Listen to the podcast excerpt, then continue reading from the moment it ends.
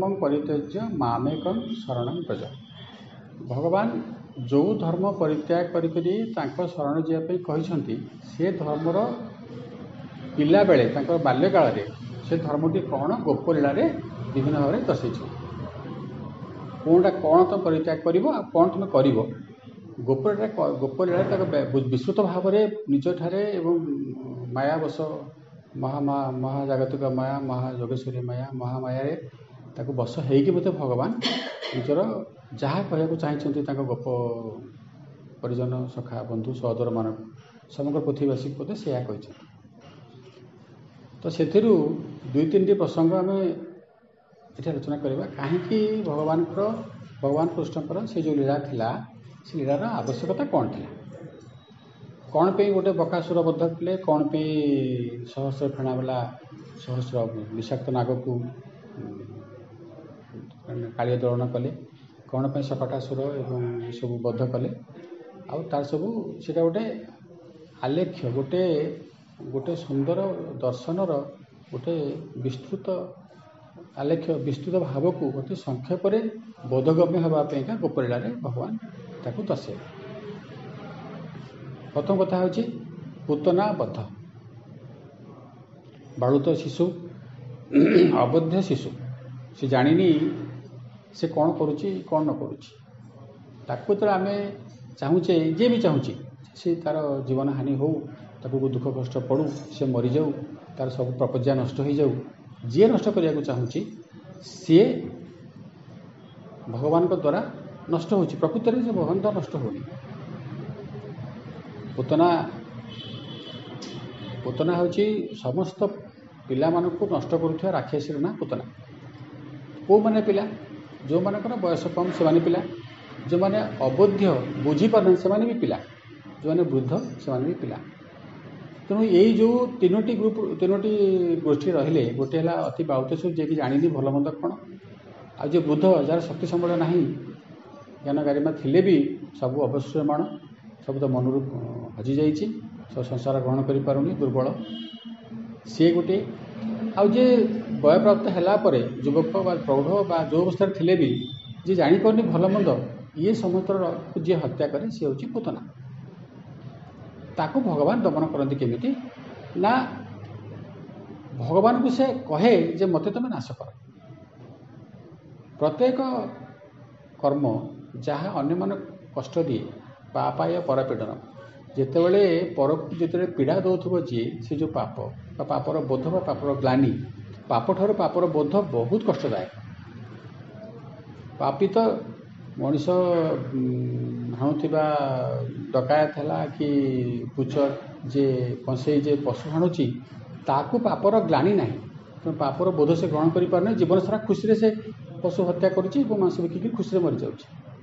ପାପର ଗ୍ଲାନି କେତେବେଳେ ଆସିବ ଯେତେବେଳେ ତୁମେ ସତ୍ସଙ୍ଗରେ ବସିବ ଗୁରୁ ଆଶ୍ରିତ ହେବ ଏବଂ ଭଗବାନଙ୍କୁ ଭଲ ପାଇବ ପାପର ଗ୍ଲାନି ତୁମ ମନରେ ଦେଖାଦେବ ପାପର ବୋଧ ସୃଷ୍ଟି ହେବ ପାପର ଫିଲିଙ୍ଗ फिलिंग अफ सिनफुलनेस मैंने गोटे गोटे अनुभव करिया अनुभव कर मन जो मुझे जहाँ करुच्ची यहाँ हूँ पाप जितेबले पुतना भगवान को क्षीर देवाई चाहिला स्तनपान करने चाहिला ता मन ग्लानी सृष्टि जे एडे सुंदर पाटे को मुझे मार आगुरी से तार कर्म है से बहुत बहुत हत्या करत्या करवा जो मैंने दुर्बल ଶିଶୁ ସୁଲଭ ତାଙ୍କୁ ସେ ହତ୍ୟା କରିବ କାରଣ ସରଳତା ହେଉଛି ସମସ୍ତଙ୍କର ସରବ୍ୟ ଯିଏ ସରଳ ସେ ସରବ୍ୟ ଯିଏ ସରଳ ହେବ ସେ ଗାଳି ଶୁଣିବ ପିଲାମାନଙ୍କୁ ଆମେ ଯେମିତି ତୁ ଯେମିତି ତୁ ସରଳ ଗାଳି ଶୁଣୁଛୁ ଯେମିତି ମଞ୍ଜୁ ସରଳ ଗାଳି ଶୁଣୁଛି ଆଉ ସବୁ କିଏ ସରଳ ଅଛନ୍ତି ଯେଉଁମାନେ ସେମାନେ ସବୁ ଗାଳି ଶୁଣୁଛନ୍ତି ଯେଉଁମାନେ ଯିଏ ସରଳ ସିଏ ସରଳ ଯିଏ ଚଞ୍ଚଳ ସିଏ ଉତ୍ତଳ ଯେ ଚଞ୍ଚଳ ସିଏ ଉତ୍ତଳ ଚଞ୍ଚଳ ଯିଏ ହେବ ଉତ୍ତଳ ତଳଙ୍ଗ ଭଳିଆ ଡେଇଁ ପଡ଼ିବ ଡେଇଁ ପଡ଼ିକି ପିଟି ହେଇଯିବ ଆସିକିରି ମାଟି ଉପରେ ଦୋଷ ପାଇଯିବ ଶୁଖିଯିବ ଦୁଇ ମିନିଟ୍ ଗୋଟେ ମିନିଟ୍ ତେଣୁ ତେଣୁ ଅତି ଚଞ୍ଚଳ ନାହିଁ କି ଅତି ଉତ୍ତଳ ହେବା ଉଚିତ ନୁହେଁ ଚଞ୍ଚଳ ନୁହଁକି ସରଳ ଏଇଟା ହେଉଛି ଜୀବନର ଲକ୍ଷ୍ୟ ତେଣୁ ଯେତେବେଳେ ପୁତନା ଅନୁଭବ କଲା ଯେ ମୋର ମୁଁ ଯେଉଁ କାମ ସବୁ କରୁଛି ଭଗବାନଙ୍କୁ ଦେଖିଲା ପରେ ତାର ହୃଦବୋଧ ହେଲା ଯେ ଏତେ ସରଳ ଏତେ କୋମଳ ଶିଶୁ ଯେ ଏତେ ଖୁସିରେ ମୋତେ ମା' ବୋଲି ଗ୍ରହଣ କରିକି ମୋତେ ସ୍ତନପାନ କରିବା ପାଇଁ ମୋତେ ଅନୁମତି ଦେଉଛି ଏବଂ ସ୍ତନ୍ୟ ତା ତା କ୍ଷୀର ତା ସ୍ତନରୁ କ୍ଷୀର ନିର୍ଝର ଭଳିଆ ଝରଣା ବୋହିଯାଉଛି ମାତୃତ୍ୱକୁ ଅନୁଭବ କଲା ପୁତନା ଯେତେବେଳେ କ୍ଷୀର ପାନ କରିବା ଭାରୁ ଚାହିଁଲା ସେ ତା ମାତୃତ୍ୱ ଅନୁଭବ କଲା ଯେ ମୁଁ ମା' ଗୋଟେ ଏବଂ ମୁଁ ମୋ ମାତୃତ୍ୱର ଛଳନାରେ ଶିଶୁ ହତ୍ୟା କରୁଛି ଆଜି ଯାଏଁ ସେତେବେଳେ ତା ପାପର ବୋଧ ତାକୁ ପୁତନା ଠାରୁ ଭୟଙ୍କର ଭାବରେ ବଡ଼ ରାକ୍ଷାସୀ ଆସି ତା ଜୀବନକୁ ଶେଷ କରିଦେଲେ ଭଗବାନ ତାକୁ ମାରିନାହାନ୍ତି ଭଗବାନ କାହାକୁ କିଏ ମାରନ୍ତି ନାହିଁ ଭଗବାନ ରାବଣକୁ କିଏ ମାରିନାହାନ୍ତି କିରଣକଶକୁ କିଏ ମାରିନାହାନ୍ତି କଂସକୁ ମାରିନାହାନ୍ତି କାହାକୁ ଭଗବାନ ମାରିନାହାନ୍ତି କେଉଁଠି ସବୁ ନିଜର ପାପର ଗ୍ଲାନି ପାପର ବୋଧ ତାଙ୍କୁ ପ୍ରତ୍ୟେକ ବ୍ୟକ୍ତିକୁ ହତ କରେ ଭଗବାନ ପୁତନା ପ୍ରସଙ୍ଗରେ ଏହା କହିବାକୁ ଚାହିଁଲେ ଯେତେବେଳେ ଭଗବାନଙ୍କ ସ୍ୱରୂପ ତୁମେ ଦେଖ ତୁମର ଗ୍ଲାନି ଦୂର ହୋଇଯାଏ ତୁମ ପାପର ବୋଧ ତୁମେ ଅନୁଭବ କର ଏବଂ ନିଜକୁ ସଂସ୍କାର କରିବା ପାଇଁ ତୁମେ ଶରୀର ତ୍ୟାଗ କରିପାର ବା ପରିବର୍ତ୍ତିତ ହେଇପାର ବାଲ୍ମୀକି ମହର୍ଷି ରତରୁ ରତ୍ନାକର ହେଇକିରି ସେ ଯେଉଁ ଓଲଟା ବାଟିଆ ରାମ ରାମ ରାମ ରାମ କହୁଥିଲେ ସତ ସେ ସତ ନୁହେଁ ସେ ରାମ ହିଁ କହୁଥିଲେ ରାମ ହିଁ କହୁଥିଲେ ଆଉ ରାମ କହିଲା ପରେ ବାରମ୍ବାର ଶବ୍ଦ ଯେତେବେଳେ ଉଚ୍ଚାରଣ ହେଲା ତାଙ୍କ ମନ ଭିତରୁ ସବୁତକ ଚାଲିଗଲା ସେଥିରୁ ସେ ନିଜକୁ ନିଜର ରତ୍ନାକରକୁ ନିଜ ହତ୍ୟା କରିଦେଲେ ତାଙ୍କୁ ଭଗବାନ କହିନାହାନ୍ତି ତୁ ରତ୍ନାକର ଛାଡ଼ିବି ଦିନେ ଚୋରି କଲେ ତ ରାଜା ହେଇଯିବ ହାଣି ହୁଣିକିରି ସବୁ ବେଗପକ ଚୋରି କରିକିରି ଥନପନ ନେଇ ଆସିକି ଥୋଇଦେବ ବଡ଼ ହେଇଯିବ ତାପରେ କ'ଣ ଦରକାର କ'ଣ ଦରକାର ଓକିଲ ଯିବେ କାମ କରିବେ ଦଶଟା ପନ୍ଦରଟା ମିଛ କେସ୍ କରିଦେବେ ସକାଳ ପଇସା ପତ୍ର ମିଳିଲା ବାସ୍ ତାପରେ ବସି କବି ରାନ୍ଧିକିରି ଖାଇଲେ হ্যাঁ তিন পট রুটি দেখলে করবে হ্যাঁ ଦୁଇ ପଟ ଗୁଡ଼ିକ ନିଜେ କରିକିରି ଖାଇବେ ତେଣୁ ପାପର ବୋଧ ସୃଷ୍ଟି କରିବା ହେଉଛି ପୁତନା ଚରିତ୍ରର ପ୍ରଥମ ଉଦ୍ଦେଶ୍ୟ ପାପର ପାପ ପାପିର ପାପର ବୋଧ ସିନ୍ଫୁଲ୍ ମୁଁ ପାପ କରୁଛି ଦ ଫିଲିଂ ଅଫ୍ ସିନ୍ ମୁଁ ପାପ କରୁଛି ସେଇଭଳି ବୋଧ ସୃଷ୍ଟି ହେବା ହେଉଛି କୃଷ୍ଣନୀଳାରେ ଛୋଟ ଭଗବାନ କୁନି ଭଗବାନ ବାଳୁତ ଭଗବାନ ତାକୁ କିଛି ନ କରିକିରି ଖାଲି ତାଙ୍କର ସୌନ୍ଦର୍ଯ୍ୟରେ ତାଙ୍କର ଚପଳାମିରେ ତାଙ୍କର ମାଆର ମାଆକୁ ଗୋଟେ ନାରୀ ଗୋଟେ ପୁତନା ବୋଲି ଗୋଟେ ରାକ୍ଷସକୁ ମାତୃତ୍ୱ ଦେବାରେ ଯେଉଁ ତାଙ୍କର ତ୍ୟାଗ ରହିଲା ସେ ତ୍ୟାଗର ପୁତନାକୁ ପୁତନାର ପୁତନାର ସମଗ୍ର ଶରୀର ଶେଷ ପୁତନା ଦେବୀ ହେଇଗଲା ତାପରେ ପୁତନା ଗଲା ପରେ ତ ସ୍ୱଦେହରେ ସବୁ ପଳେଇଲା ନା ମୁକ୍ତି ପାଇଗଲା පුතනම ලපරේ ಅಪ್ಸರಿಗಿರಿ ಪಳೆಲನಗ ಯಾಕಂದ್ರೆ ದೇವತಾ ದೇವತಾ ದೇವತಾಯ ಚಗು ಪಳೆಲ ତେଣୁ ଯେତେବେଳେ ଆମ ମନରୁ ଗ୍ଲାନି ଯିବ ଦେବତ୍ୱ ପ୍ରାପ୍ତି ହୁଏ ପ୍ରଥମ କଥା ଯେତେବେଳେ ପାପର ବୋଧ ହେବ ପାପର ବୋଧ ସମ୍ବନ୍ଧୀୟ ଗ୍ଲାନି ମନରୁ ଚାଲିଯିବ ମୁଁ ପାପି ନୁହେଁ ପାପର ବୋଧ ବି ମୋର ନାହିଁ ସେତେବେଳେ ଆପଣଙ୍କର ନୂଆ ଜୀବନ ସୃଷ୍ଟି ହେଲା ଇଏ ହେଉଛି ପୁତନା ରାକ୍ଷାସୀର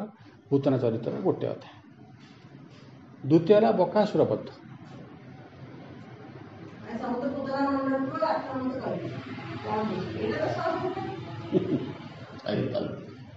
ବକା ବକା ବକ ବକ ହେଉଛି ବକ ମାନେ ବଗ ବଗକୁ କେବେ ତୋରଣା ଦେଖିଛ କେବେ ବଗ ବଗ ଦେଖିଛ ଭଲରେ ବହୁତ ପ୍ରକାର ବଗ ଅଛନ୍ତି ଗୋଟେ ମାଟିଆ କଲର୍ ବଗ ଅଛି ଆଉ ଗୋଟେ ଥଣ୍ଟିଆ ବଗ ଅଛି ମାନେ ଧଳା ବଗର ଲମ୍ବ ଇଏ ଲମ୍ବ ମୁଣ୍ଡ ଆଉ ଗୋଡ଼ ଗୋଡ଼ ଦୁଇଟା ସରୁ ସରୁ ତା ଶରୀରଟା ଦୁଇଟା ଗୋଡ଼ ଉପରେ ପୁରା ସ୍ଥିର ହୋଇ ରହୁଛି ବକର ସ୍ୱରୂପ ହେଲା ବକ ହେଉଛି ଧ୍ୟାନର ଏକମାତ୍ର ଶ୍ରେଷ୍ଠ ପ୍ରାକୃତିକ ସୃଷ୍ଟି ଯଦି ଧ୍ୟାନ କାହାକୁ କୁହାଯାଏ ତାକୁ ବକ ଧ୍ୟାନ ହିଁ କୁହାଯାଏ ଧ୍ୟାନ ବୋଲି ଆମେ କ'ଣ ବୁଝୁଛେ ଧାରୟତୀତି ଧ୍ୟାନ ଧର୍ମ ଯେମିତି ଯେମିତି ଯାହାକୁ ମନରେ ଧରିବା ତାହା ହେଉଛି ଧ୍ୟାନ ଯଦି ଲୟର ସହିତ ଏକାଗ୍ରତା ସହିତ ଶରୀର ନିଶ୍ଚଳ ଭାବରେ ଗୋଟିଏ ଜିନିଷକୁ ବାରମ୍ବାର ବାରମ୍ବାର ବାରମ୍ବାର ବାରମ୍ବାର କହିଚାଲିଲା ବା ବାରମ୍ବାର ବାରମ୍ବାର ମନନ କରିଚାଲିଲା ତା ନାଁ ହେଉଛି ଧ୍ୟାନ ଅତି ସରଳ କଥା ଧ୍ୟାନର ମାର୍ଗ ତ ବହୁତ ପାତଞ୍ଜଳି ଯୋଗରେ ଧ୍ୟାନର ପନ୍ଦର ପୃଷ୍ଠା ବ୍ୟାଖ୍ୟା ହେଇଛି ଧ୍ୟାନ କ'ଣ କେମିତି କେତେ କଥା ଧ୍ୟାନ ଅଛି ତ ବକର ଶରୀର ଧ୍ୟାନ ପାଇଁ ଉପଯୁକ୍ତ କିନ୍ତୁ ବକ କ'ଣ କରେ ଧ୍ୟାନ ରଖେ ଗୋଟିଏ ଜାଗାରେ ଯେ ମୁଁ କେମିତି ପେଟ ପୋଷିବି ଏବଂ ଅନ୍ୟର ଜୀବନହାନି କରିବି ଭଗବାନ ବକାସୁରକୁ ମାଇଲେ କେମିତି ନା ପାଠିଟାକୁ ମେଲା କରିଦେଲେ ତାକୁ ଆଉ କିଛି କରିନି କୁଆଡ଼େ ତା ବେକକୁ ପାହାରେ ପକାଇଥିଲେ ପଡ଼ିଥାନ୍ତା ତାର ଯେଉଁ ଗୋଜିଆ ବେକଟା ଠକ ମାରିଲେ ସେ ବେକ ଛିଡ଼ିଯିବ ଦିଗଡ଼ିକି ଆଉ ଚକ୍ର ମାରିଲେ ତ କେତେ କ'ଣ ପଡ଼ୁଛି ବେକ ତ ଏମିତି କରିଦେଲେ ମରିଯିବ ସେ ତା ତଣ୍ଟା କାହିଁକି ଖୋଜି ଖାଜିକି ତା ପାଟଟା କାହିଁ ମେଳା କଲେ ନାହିଁ ତା ଦିଗଡ଼କୁ ଦିବାର ପଡ଼ିଲେ ସେ ଛୋଟ ବଡ଼ ପଡ଼ିଥାନ୍ତା ତା କାମ ସରିଥାନ୍ତା ତା ବାଟକୁ ମେଲା କରିଦେଲେ ଭଗବାନଙ୍କର ବକାସୁର ବଧର ଗୋଟେ ସବୁଠାରୁ ସୁନ୍ଦର କଥା ହେଲା ଯେତେବେଳେ ମଣିଷ ଧ୍ୟାନ ସମୟରେ ନିଜର ସମସ୍ତ ଅହଙ୍କାର ସମସ୍ତ ବିକାର ସମସ୍ତ ଲୋଭ କ୍ରୋଧ କାମ ମୋହକୁ ତ୍ୟାଗ କରିପାରୁନି ସେତେବେଳେ ସେ ଧ୍ୟାନସ୍ଥ ହୋଇପାରିବ ନାହିଁ ତେଣୁ ବକାସୁର ଯେଉଁ ତା ପାଟିଟାକୁ ମେଲା କଲେ ତା ଅର୍ଥ ହେଲା ଏହା ସେ ଏହା ଚାହାନ୍ତି ଭଗବାନ କହିବା ପାଇଁ ଯେ ଯେଉଁ ଲୟରେ ସେ ମାଛ ପାଇଁ ଖାଦ୍ୟ ପାଇଁ ଅପେକ୍ଷା କରୁଛି ଏବଂ ଧ୍ୟାନସ୍ଥ ହେଉଛି ଯେଉଁ ଧ୍ୟାନ ତାର କରିବାର କଥା ନଥିଲା ସେଥିପ୍ରତି ଧ୍ୟାନର ଆବଶ୍ୟକତା ନାହିଁ ଅନ୍ୟକୁ ହତ୍ୟା କରିବାର ଧ୍ୟାନରେ ହତ୍ୟା କରିବାର ପାଇଁ ଆମେ ଯଦି ଗୋଟେ ଯଦି ସିନ୍ଧି କାଟି କରିକି ଚୋର ଘରେ ପଶିକି ଖଣ୍ଡା ହାରିକି ବସିଥିବ ଯଦି ଗୃହକର୍ତ୍ତା ଭାରି ତା ମୁଁ ହାଣିବ ତାକୁ ଧ୍ୟାନ କେତେବେଳେ ଆସିବ ଭାଣିବି ତାକୁ ଧ୍ୟାନ କୁହାଯିବ ତେଣୁ ଧ୍ୟାନ କରିବା ଆଗରୁ ତୁମେ ତୁମର ସମସ୍ତ कुचिंता कु मन पोषण समस्त कदर्ज ज्ञान समस्त गाड़ा को त्याग कर त्याग न करूच ध्यान करार आवश्यकता कि बुझेगा ना नहीं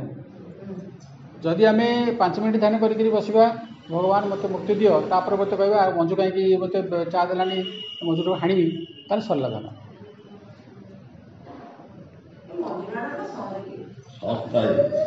ମଞ୍ଜି ସବୁ ଶସ୍ତା ମଞ୍ଜି ଶସ୍ତା ଏ ଗୋଡ଼ି ବାଟ ନାଇଁ ଏବେ ତା ଏବେ ତା ଚୁଇଁ ଚୁଇଁ ଗଣା ତେଣୁ ଆମର ଧ୍ୟାନର ଧ୍ୟାନ ଆମକୁ ଗୋଟେ ଏପିସୋଡିକ୍ ମାନେ ରେଫରାଲ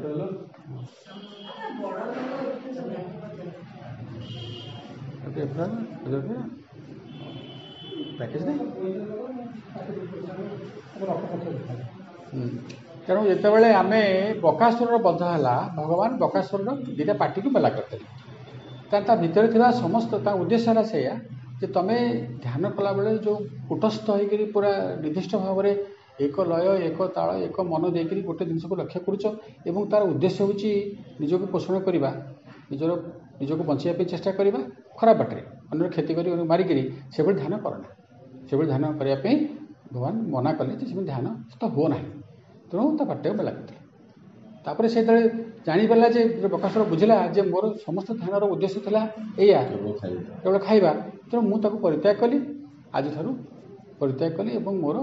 ମୋ ଶରୀରର ସମ୍ପୂର୍ଣ୍ଣ ପରିବର୍ତ୍ତନ ହେଲା ବର୍ତ୍ତମାନ ମୁଁ ଭଗବାନ ସାଙ୍ଗେ ଲୀନ ହୋଇଗଲି ମାନେ ମୁଁ ଯିଏ ଭଗବାନ ସେ ଅହଂ ବ୍ରହ୍ମ ଅସ୍ମି ଅହଂ ବ୍ରହ୍ମ ଅସ୍ମି ତେଣୁ ଧ୍ୟାନର ଯୋଗସ୍ଥ ହେବା ପାଇଁ ହେଲେ ଧ୍ୟାନ ଯଦି ଏକ ମାର୍ଗ ହୁଏ ଧ୍ୟାନକୁ ସୁଚାରୁ ରୂପେ ପରିଚାଳନା କରିବା ପାଇଁ ମନ ଠିକ୍ ଦରକାର ମନର କୁ ଲଗାମ ଦେଇ ରଖିବା ପାଇଁ ହେଲେ ବିବେକର ଉନ୍ମେଷ ହେବା ଉଚିତ ବିବେକ ଉନ୍ମେଷ କେମିତି ହେବ ଯେତେବେଳେ ସତସଙ୍ଗ ହେବ ସତସଙ୍ଗ ବିନା ବିବେକ ସୃଷ୍ଟି ହୋଇପାରିବ ନାହିଁ କେବେ ସୃଷ୍ଟି ହୋଇପାରିବ ନାହିଁ ସତସଙ୍ଗର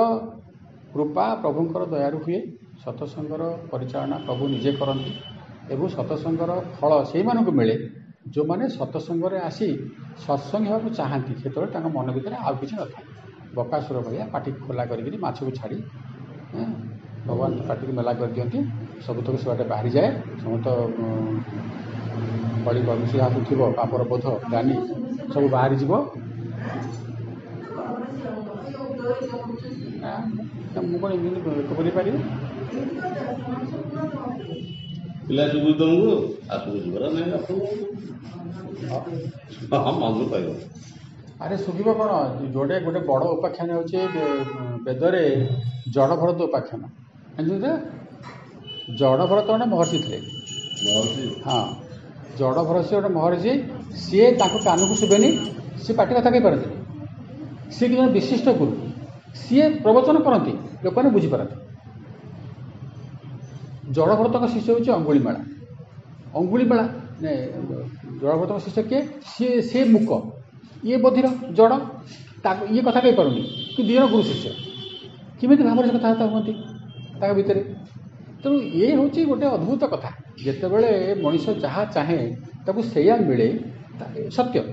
ତୁମେ ଚାହିଁବାଟା ସେମିତି ହେଲେ ତୁମର ପାଇବାଟା ସେମିତି ହେବ ତୁମେ ଚାହିଁବ ଓଲଟାପଟା କରିକି ପାଇବ କେମିତି ପୁରା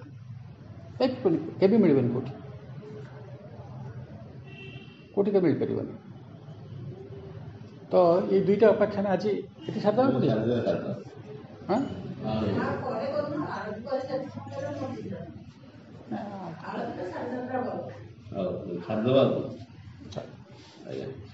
ପଡ଼ିଲା ଆଉ ଦୁଇଟା ଉପାଖ୍ୟାନ ଆର ଆର୍ଥରକ ଆର୍ଥରକ କହିବା Thank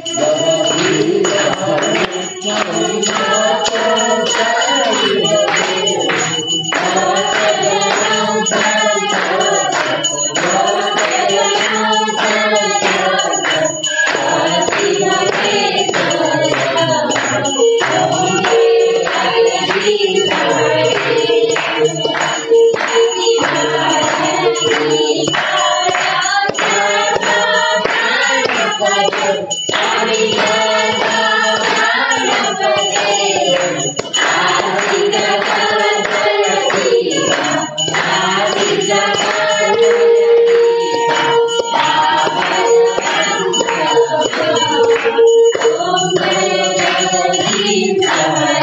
Thank you.